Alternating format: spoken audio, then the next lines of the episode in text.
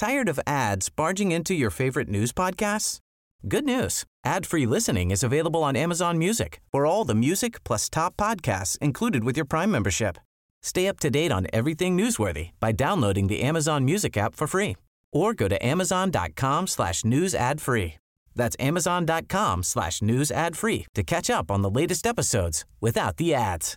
Flexibility is great. That's why there's yoga. Flexibility for your insurance coverage is great too. That's why there's United Healthcare Insurance Plans. Underwritten by Golden Rule Insurance Company, United Healthcare Insurance Plans offer flexible, budget friendly coverage for medical, vision, dental, and more. One of these plans may be right for you if you're, say, between jobs, coming off your parents' plan, turning a side hustle into a full hustle, or even missed open enrollment.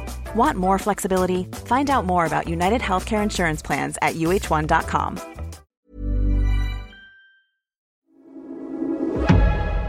Du lyssnar på GVS ljudböcker.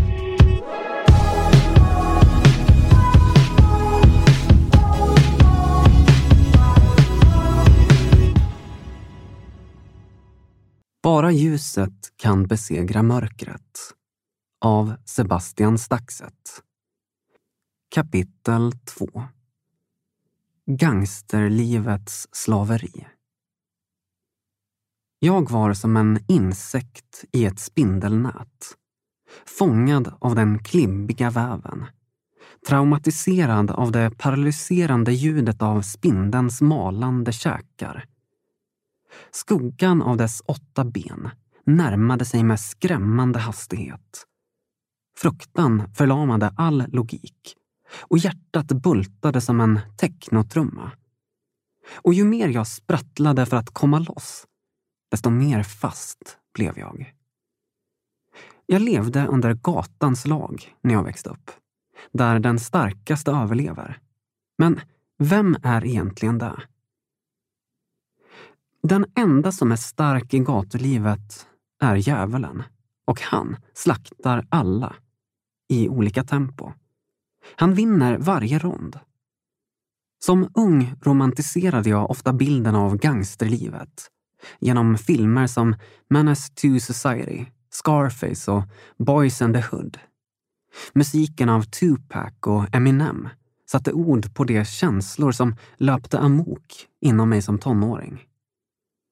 Trasiga människor med en hård attityd som lyckats trots allt blev mina förebilder.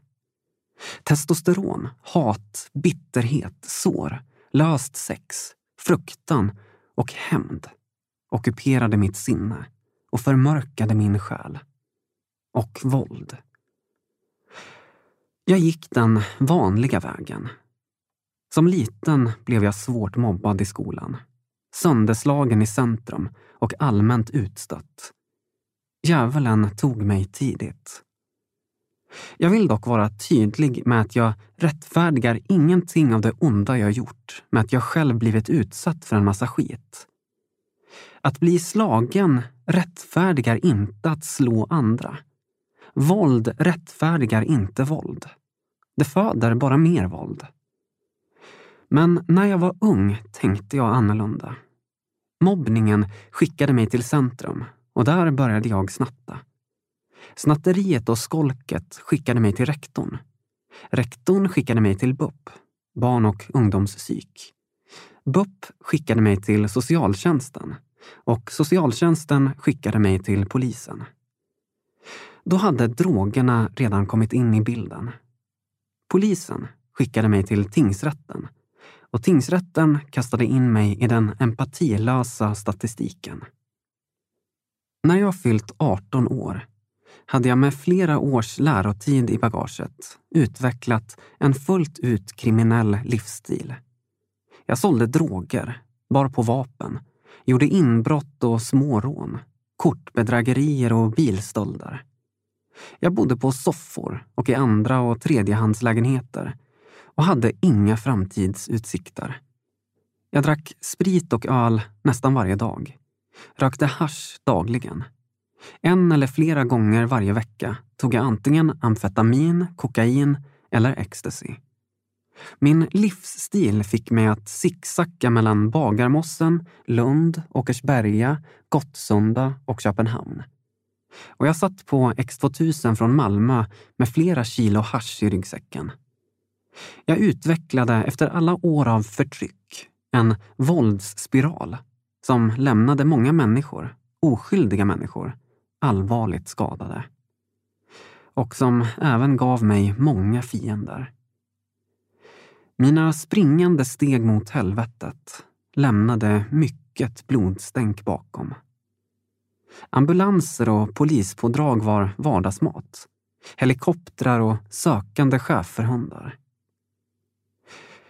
Jag greps till slut den 6 januari 2006. Polisen sparkade ner mig och satte handfängsel på mig när jag försökte fly. Sen eskorterade de mig in till polisstationen i Täby centrum. Där fick jag klä av mig naken och lämna DNA och fingeravtryck.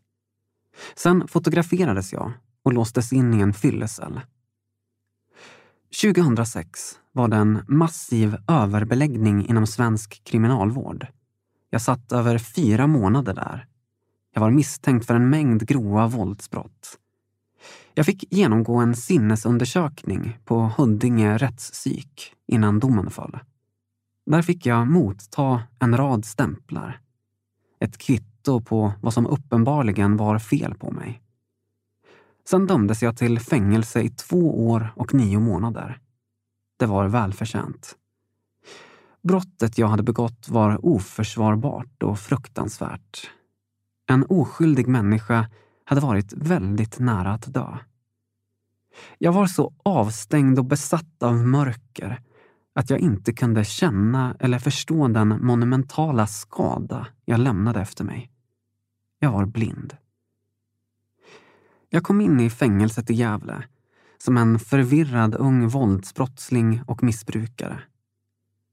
En av de första sakerna som hände var att jag blev tilldelad en cell. När jag kom in i cellen kändes det jättekonstigt där inne. Obehagligt. Och det luktade skumt. Grabbarna som satt och spelade kort sa Killen som hade din cell hängde sig där inne igår. Nu var han död och cellen var ofrivilligt min. Dödens ande låg som ett täcke över de sex kvadratmetrarna. Det var inte roligt att bli inlåst den natten. Bakom taggtråd, celler och ståldörrar blev jag snabbt bekant med fängelselivet och hierarkierna som råder där. Jag var inte beredd att låta någon bråka med mig, trots att jag var typ yngst. Men det var lugnt. De äldre som styrde såg hatet som brann i mitt hjärta och hur avstängd jag var. Döden i mina ögon var uppenbar. Så det tog mig till sig. Det var aldrig ett problem för mig på kåken på det sättet. Problemen kom i andra kläder. Blåa kläder. Jag krigade mot vakterna från första stund. Mina auktoritetsproblem lyste som McDonalds-skyltar. Det blev som det alltid blir med hat. Hat föder hat. Och sen är kriget igång. Det blev snabbt så problematiskt att jag bad min familj att inte besöka mig. Så att inte kärleken till min familj kunde användas emot mig av fienden. Min människosyn var så förstörd att det var så jag resonerade. Ett par år senare lämnade jag fängelset som en fast besluten, lite äldre, våldsbrottsling och missbrukare med stora planer på att bli gangsterrappare och värdetransportrånare och med ett stort nytt kontaktnät för att göra allt detta möjligt. Institutionsskadad och full av hat. I fängelset i Gävle fick jag se en vän dö för att fångvaktarna vägrade ringa ambulans efter att han spytt blod. Istället låstes vi in som aggressiva pitbulls. Vi bankade och skrek genom plexiglaset och ropade på hjälp tills han slutade andas. Först då ringde vakterna ambulansen. Vid det här laget var internen redan död. Han var 34 år gammal, hade fyra barn och skulle mucka tio dagar senare. Sådant föder mer hat. Under en permission från fängelset träffade jag en vän som senare körde ihjäl sig på en moped. Min första volta började och slutade med död. Under loppet av två månader dog sex av mina vänner. Det var fruktansvärt, men man blev typ van vid döden. I fängelset blev jag god vän med en kille från Fagersta som hette Patrik. Han var en riktigt tuff kille. Gängmedlem och bandit ut i fingerspetsarna. Vi blev goda vänner på Gävleanstalten och behöll vår institutionsbaserade kamratskap även på utsidan. Jag var i hans dalaskogar och hälsade på och han besökte mig i storstadsdjungeln Stockholm. En av mina bästa vänner, Aje, var med i samma klubb som han och därför kom vi att ha tät kontakt. Han var även en nybliven far, så mitt i allt gängmörker fanns det också glädje, kärlek och lite ljus. Han hade ett stort och varmt hjärta under det stenhårda skalet och brydde sig om hur jag mådde och vad jag fightades med för problem. En dag ringde Aje till mig och berättade att även Patrik hade dött. Han dog i sömnen. Ännu ett dödsoffer skördat av den värsta massmördaren Sverige någonsin skådat. Receptbelagda sömntabletter. Jag och Aje bestämde oss för att delta på Patriks begravning. Och Aje hämtade upp mig i sin Audi RS6. Vi var iklädda 5000 kronors solglasögon som gömde våra livlösa, tomma ögon som ändå inte hade kapaciteten att gråta. I alla fall inte för annat än utbrändhet orsakat av sömnbrist och kemikalier. Guldkedjor som skulle flytta fokuset från de riktiga kedjorna vi bar. Kedjorna som höll fast oss som slavar åt Satan till livet som vi levde. Vi satte oss ner i kyrkbänken. Ännu en kyrkbänk. Ännu en begravning. Jag mindes hur jag som 14-åring suttit och kramat mormors hand i kyrkan i Björkhagen efter att min kusin tagit livet av sig på den grekiska ön Rhodos. En ö jag själv skulle besöka på en superresa som 18-åring. En resa där jag aldrig förstod varför jag hade så mycket dödsångest och självmordstankar bland alla kristallblå pooler och vita stränder. En resa där mina vänner själva en sen natt fick slita in mig från balkongen då jag på fyllan höll på att hoppa. Precis som min kusin. Kyrkan för mig var associerat med att människor jag älskade låg döda framme i kistan. På alla begravningar jag och mina vänner besökte var det aldrig någonsin någon som sa till oss att det fanns frihet, förlåtelse och ett nytt liv i Jesus Kristus. Jag tittade på Aje och sen runt i lokalen. Fullt av rakade, tatuerade, sammanbitna unga män och kvinnor överallt. Jag kollade på kistan. Döden hade kommit på besök, ännu en gång. Så kall och så tyst. Som ett gammalt tomt källarförråd. Kala väggar och ett iskallt golv. Ångest och sorg låg och hängde över kyrkan. Kvinnor grät, folk kramades. En man kom in i altargången iklädd handbojor med fängelsevakter som satte sig på var sin sida om honom och höll uppsikt över utgången. Mellan handbojorna bar han en röd ros som han rullade fram och tillbaka mellan tummarna. Och sen kom Patriks tjej in i salen, hand i hand med deras son. Pojken var bara två år gammal. Han sprang runt i kyrkan och letade efter sin pappa. Pappan som låg i kistan framme vid korset. Inbäddad av ett hav av blomsterkransar och ett inramat fotografi. Prästen förmedlade ett fint minne, men inte något hopp. Ett av många dystra minnen som färgade mig som en ung man. Jag kollade igen på Aje. Han mötte min blick med sorg. Han såg på mig precis som om han var rädd att jag skulle ligga där nästa gång. Vi satt tysta i bilen på väg hem. Vi hoppades att det inte skulle bli några fler begravningar i år. Men vi visste innerst inne att det var önsketänkande. Sanningen var att det skulle bli flera. Som på början av ett dominospel. Vi var alla som dominobrickor som föll en efter en efter en. Fångade av ett utanförskap. Ett smutsigt, rått och iskallt utanförskap. Som natt och dag formade min nya mask. Som Sverige skulle lära känna som Sebbe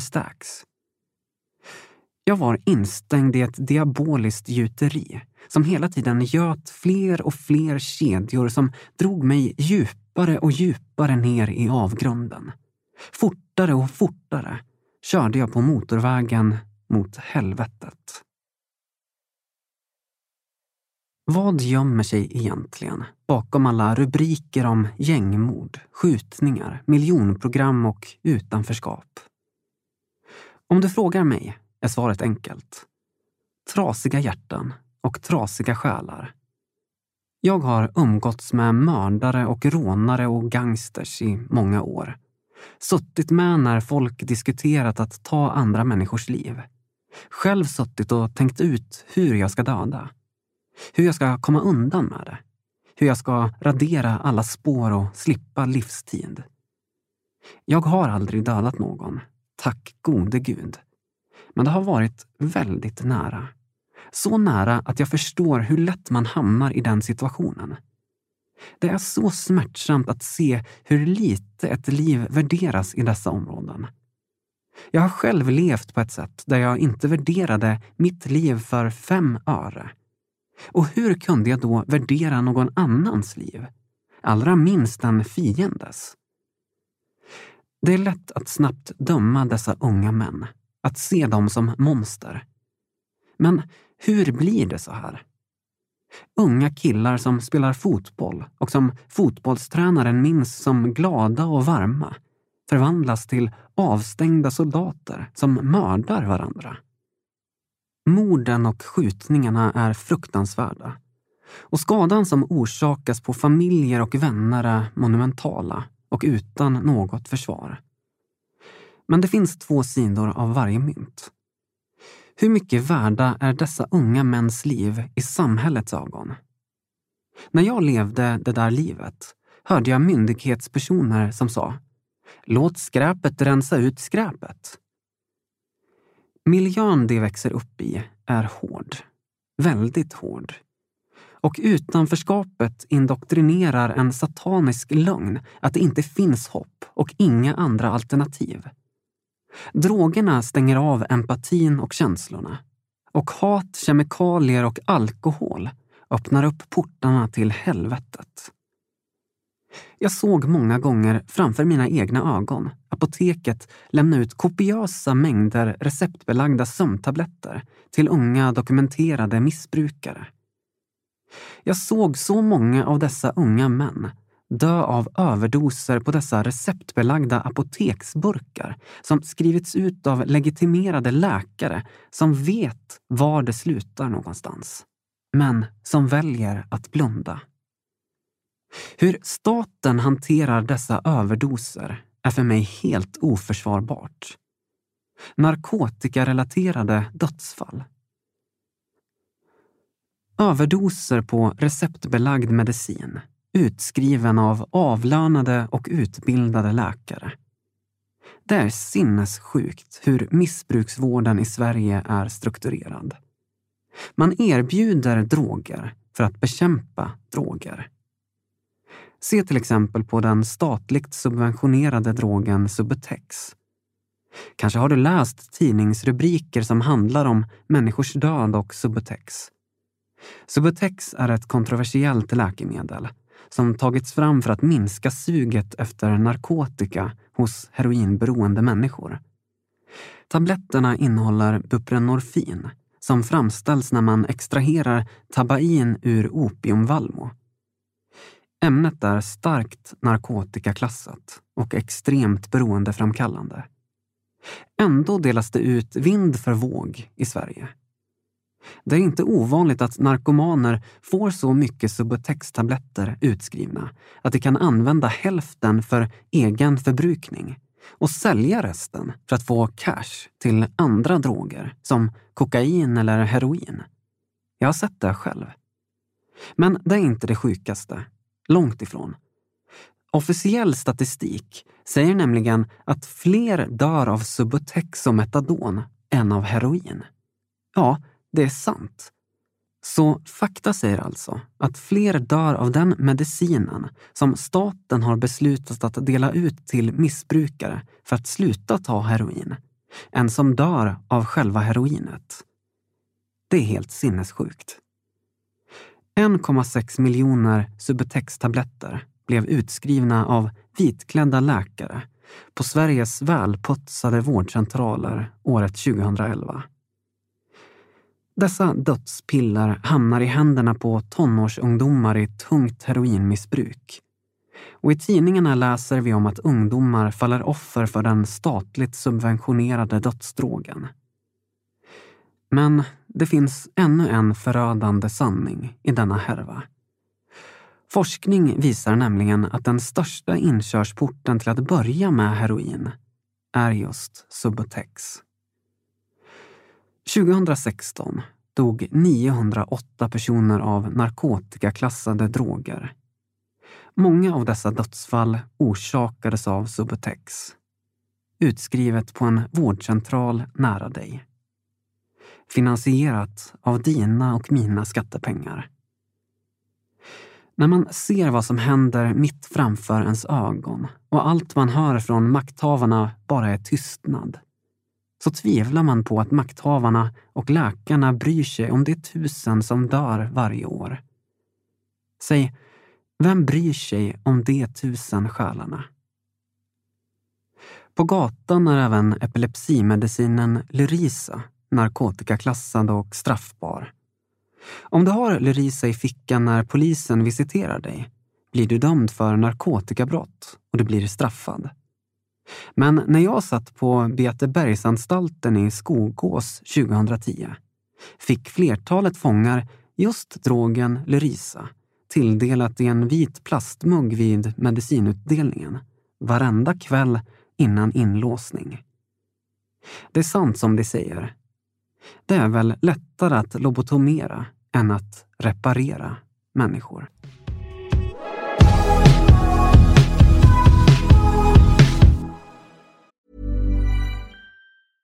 Flexibility is great. That's why there's yoga. Flexibility for your insurance coverage is great too. That's why there's United Healthcare Insurance Plans. Underwritten by Golden Rule Insurance Company, United Healthcare Insurance Plans offer flexible, budget friendly coverage for medical, vision, dental, and more. One of these plans may be right for you if you're, say, between jobs, coming off your parents' plan, turning a side hustle into a full hustle, or even missed open enrollment. Want more flexibility? Find out more about United Healthcare Insurance Plans at uh1.com. Tired of ads barging into your favorite news podcasts? Good news. Ad-free listening is available on Amazon Music for all the music plus top podcasts included with your Prime membership. Stay up to date on everything newsworthy by downloading the Amazon Music app for free or go to amazon.com slash news ad free. That's amazon.com slash news ad free to catch up on the latest episodes without the ads.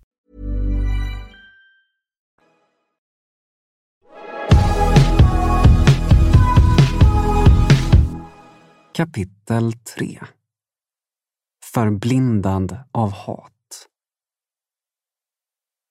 Jag pressade min kropp mot trädstammen för att få balans. Vi gömde oss i ett skogsparti som sluttade brant på andra sidan motorvägen. Nedanför hade vi parkerat vår stulna moped precis vid en parkbänk och en papperskorg. Ser du något? Frågade min vän otåligt. Jag försökte fixera skärpan i min blick på området kring måltavlan. Nej, inte än, svarade jag. Han ringer. Jag tittade på den cashade kontantkortstelefonen jag hade i handen. Han på andra sidan linjen och vägen hade fått tydliga instruktioner att ringa så fort värdetransportbilen hade svängt in från motorvägen till den mindre väg som ledde fram till bensinstationen där bankomaten låg placerad. Inte innan. För då kunde det vara en transport som var på väg att förse en annan automat med cash. Det här är fett viktigt, hade vi instruerat honom, så vi inte kör fram för tidigt. Jag riktigt kände hur svettpölar bildades under mina dubbla klädlager. Det var sommaren 2007 och jag befann mig ute på en åtta timmars frigång från anstalten Svartsjö. En sorts permission.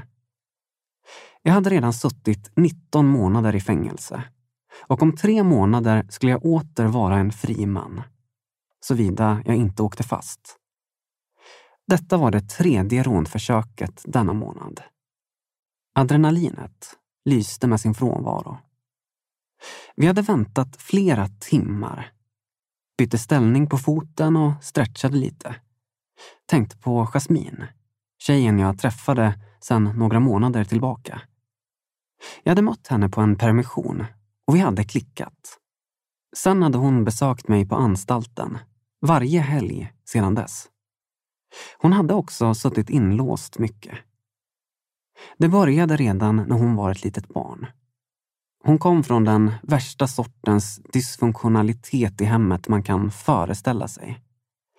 Sådär att det vänder sig i magen bara man hör om det. Socialen hade klivit in alldeles för sent och omhändertagit henne. Vid det här laget var hon redan så pass förstörd inombords att det var svårt att nå den unga tjejen. Familjehem efter familjehem gav upp. Hon skickades runt som en flipperkula i SOS-Sverige. Socialnämnder passade runt ärendet tills man glömde bort att det var hon som var offret från första början. Så började man fokusera på hennes misskötta vistelser. Det blev hårdare tag, trots att det aldrig hade varit någon som tagit sig tid eller haft ork att uppfostra henne. Så öppen blev låst. Frihet blev säkerhet. Rum förvandlades till cell. Hon var flickan utan ett hem som aldrig fick uppleva trygghet, kärlek eller en barndom. Den lilla tjejen som ingen ville ha. Som lärde sig stjäla, manipulera och knarka på landets SIS-hem. Och när hon väl blev fri lärde hon sig att söka sig till de mest destruktiva platserna i Stockholms mörka värld. Där hittade hon mig. Trasiga människor dras som magneter till varandra. Vi hittar varandra. Sen förstör vi varandra. Telefonen ringde och fick mig att vakna upp ur mina tankar på Jasmin.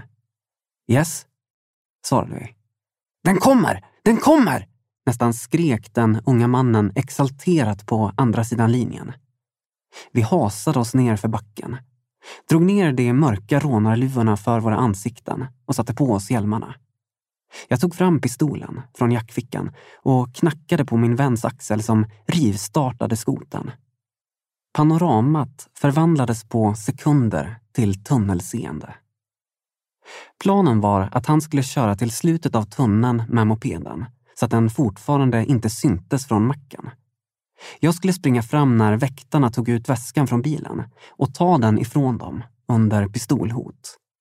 Sen skulle min vän köra fram mopeden och vår flyktväg skulle gå till ett bilbyte några kilometer bort. Jag sprang fram med pistolen i min högra hand. Det var fullt av folk i rörelse. Rån! Rån! skrek någon. Det uppstod panikartade scener. Men det insåg jag för sent. Ringaren hade ringt på fel bil. Han hade inte väntat som vi instruerat. Jag svor inombords och sprang till min vän och hoppade på skoten som snabbt accelererade mot flyktvägen. Vi visste att larmet hade gått. Och vi visste att vi nu riskerade samma straff som om vi hade lyckats. Men vi var tomhänta. Vi körde gångvägarna så fort vi bara kunde in mot bostadsområdet. Vi måste nå källaren där vi skulle byta om och gömma kläder och vapen. Det var en kamp mot klockan. Adrenalinet pumpade i våra ådror och röken sprutade från avgasröret. Vi sladdade in på gården i ett mindre bostadsområde där bytet skulle ske. Gruset stänkte och hjärtat slog dubbelslag. Precis när vi rullade in skoten i porten hörde vi det dova ljudet av polishelikopterns roterande vingslag en bit bort. När jag la mig i sängen i min cell senare den kvällen slog det mig hur nära det hade varit. Att jag istället för frihet skulle ha fått möta ännu en häktning med fulla restriktioner. Ännu en rättegång. Ännu en dom. Och ännu ett frigivningsdatum som skulle flyttas flera år framför det nuvarande. Jag brydde mig inte. Helt sjukt egentligen, men jag kände ingen rädsla inför att få ett nytt straff. Mest likgiltighet. Friheten betydde inte så mycket för mig. Jag visste nämligen att det fanns ingen frihet som väntade mig på andra sidan gallret. Bara mer fängelse, mer död, mer våld, mer droger och mer brott. Cyniskt, men sant. Jag tog fram min insmugglade mobiltelefon från gömstället bakom elementet och slog på den. Telefonen vibrerade. Det var Jasmin som skickat sms. Ring mig, stod det. Våra samtal speglade våra livssituationer. Vi pratade om vem som hade dött, vem som hade torskat och vem som hade fått stryk. Vilka som festade. Vad vi skulle göra på min permission. Hur jag skulle manipulera urinprovet så att jag kunde festa. Men vi pratade aldrig om hur vi egentligen mådde bakom våra masker. Jasmine tyckte om mig för att hon tyckte att jag var snäll och inte slog henne. Jag tyckte om henne för att hon lät mig vara så sjuk och förstörd som jag var. Huddinge rättspsyk gav mig utlåtandet vintern 2006 att jag var oförmögen att känna empati. Det gav mig en massa stämplar som jag lärde mig att gömma mig bakom och lyfta fram så fort jag ställdes till svars för någonting. Men sanningen är att jag var i total avsaknad av kärlek. Det är enkel matematik. Det är omöjligt att ge bort något man inte har. Om du inte äger en krona så kan du inte ge någon en krona. Om du inte har kärlek så kan du inte ge någon kärlek. Om du inte ens kan älska dig själv, hur ska du kunna älska någon annan? Jag och Jasmine var som plåster på varandras skottskador. Vi tyckte om att prata på kvällarna. Hon bodde på ett jourhem för kvinnor med problematik. Jag bodde i en cell i ett fängelse. Vi drömde oss bort tillsammans. Men när jag någon månad senare fick reda på att Jasmine varit ute och tagit heroin en natt fanns varken nåd eller kärlek i mitt kalla hjärta. Jag tänkte inte släppa in heroindemonen i mitt liv. Det räckte med alla demoner som redan levde och frondades i mig. Hon får klara sig själv, tänkte jag kallt. Under många kvällar hade vi på telefon målat upp ett liv tillsammans. Drömt om den där lägenheten som skulle lösa allting. Om resan till Thailand, där vi skulle bada i turkosblått vatten och sola på kritvita stränder. Bonnie och Clyde mot världen. Orealistiska drömmar om frihet bakom låsta dörrar. Även om vi var fysiskt fria skulle vi fortfarande vara fångade i oss själva. Men det var som sagt bara drömmar som krossades likt kokainstenarna på diskbänken. Vi krossades som människor redan som barn och djävulen hade fortsatt att slita i Jasmins hjärta på alla sishem hon suttit på. Flickan utan framtid. Och de enda drömmar som förverkligades i mitt liv var mardrömmar. Jag tog en promenad runt gårdsplanen på anstalten Svartsjö, satte mig och rökte en cigarett och såg på det gröna staketet med taggtråd. Röda små baracker med en avdelning per byggnad. Ingen vidare säkerhet. Det var ju en öppen anstalt. En plats där folk gjorde slutet på längre straff. Eller dit de som hade kortare voltor skickades. Sista steget innan frihet. Människor cirkulerade runt mig på gården i gröna jackor, härjade ansikten, gråa mössor och gråa skor. Och osynliga ryggsäckar, fulla med smärta, misslyckanden och misär. Vi var som socialt missanpassade zombies. En syn som var välbekant för mig. På kåken promenerar man ofta runt och runt i cirklar för motion. 60 minuter, runt, runt, runt. Inte helt olikt vad vi gör i livet. Runt, runt, i samma gamla inkörda cirklar och mönster. Jag hade suttit fyra månader på polisstationen i Täby i en fyllecell. Nio månader på anstalten i Gävle och ytterligare nio månader på detta fängelse på Ekerö i Stockholm. Anstalten jag var på innan var mer låst, men känslan var densamma. Det låg hat, frustration och ångest som ett smutsigt, illaluktande täcke över hela området i det annars så vackra Ekerö. Som att just där hade grönskan bränts ner till en hög av aska. Jag bestämde mig. Fimpade cigaretten under mina gråa institutionsdesignade KVV-skor. Jag gav upp hoppet om mig och Jasmine.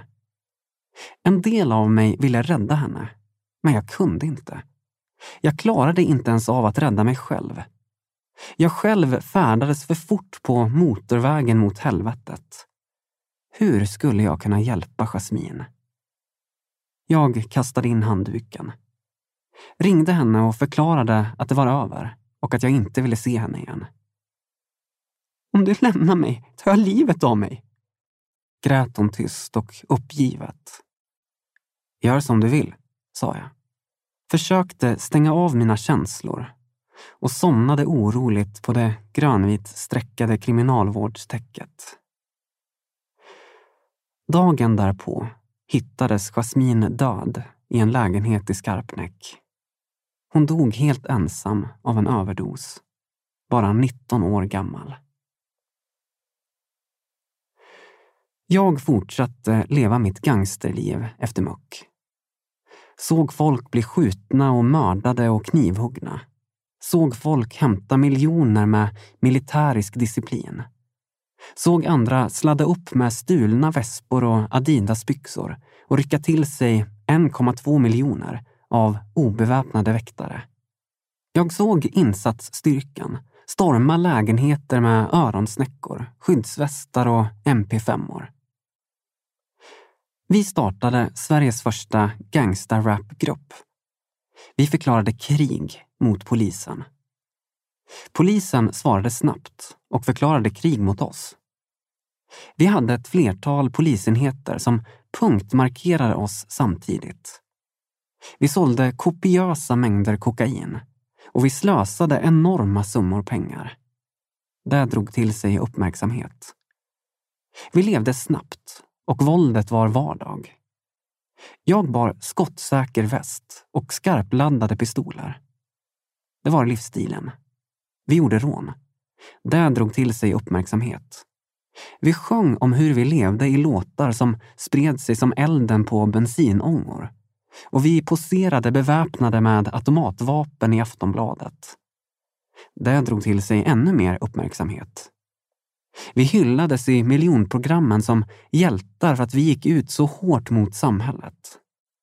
Hat föder hat. I slutet av 2008 rånade vi en värdetransport i Aspudden och sprängde upp en värdeväska. Bytet blev 960 000 kronor. Min dåvarande tjej var gravid i nionde månaden när polisen stormade in med vapen och hämtade mig till häktet i Huddinge. Första gången jag träffade min dotter försökte vakterna förhindra mig att röra vid den lilla bebisen på grund av att det tre dagar gamla barnet tydligen kunde användas för att smuggla in narkotika. Första gången jag höll mitt älskade barn skakade jag av hat.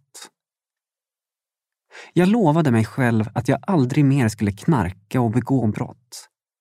Nu skulle jag vara en bra pappa och ta hand om mitt barn. Jag gick till och med på en pappakurs inne på anstalten Beateberg. Jag trodde nog på mig själv. Men kedjor är kedjor. Det tog inte ens sex timmar att bryta det här löftet dagen då jag blev frigiven. Snart satt jag på en krog och snortade kokain med gangsters, whisky och skarpladdade pistoler. Vrum, vrum, vrum. Full gas på motorvägen mot helvetet. Kedjorna satt kvar och det drog mig djupare och djupare ner i mörkret. Några år av vansinne följde. Ju fler månader och år som passerade, desto värre blev mitt självförakt. Jag gifte mig. Vi fick ett till barn. Jag knarkade bort allt sammans. Jag skilde mig. Föll ännu djupare i missbruket. Människor försökte mörda mig. Mina fiender fanns precis överallt. Jag blev attackerad och nästan ihjälslagen. En dag kom jag hem och alla mina saker låg i svarta sopsäckar på balkongen. När jag förlorade kontakten med mina barn och inte fick träffa dem längre såg jag ingen anledning att fortsätta leva.